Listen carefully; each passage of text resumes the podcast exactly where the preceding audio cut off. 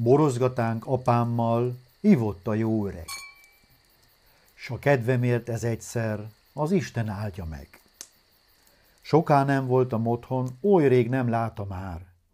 Úgy megvénült azóta, ja, az idő lejár. Beszéltünk erről, arról, amint nyelvünkre jött, még a színészetről is, sok más egyéb között.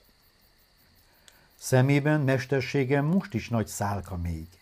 Előítéletét az évek nem szünteték. No csak, hitvány egy élet az a komédia.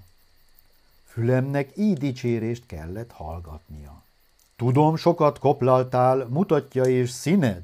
Szeretném látni egyszer mindhánysz bukfenceket. Én műértő beszédeit mosolyogva hallgatám, de ő makacsfej, föl nem világosíthatám.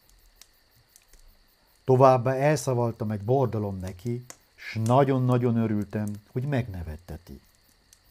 De ő nem tartja nagyra, hogy költőfia van. Előtte minden ilyes dolog haszontalan. Nem is lehet csodálni.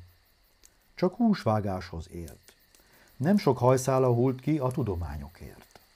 Utóbb, midőn a bornak edénye kiürült, én írogatni kezdtem, ő meg nyugodni dőlt.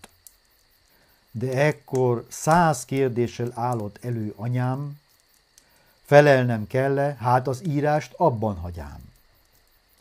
És vége hossza nem lett kérdezgetéseinek, de nekem e kérdések olyan jól estenek. Mert mindenik tükör volt, ahonnan láthatám, hogy a földön nekem van a legszeretőbb anyám.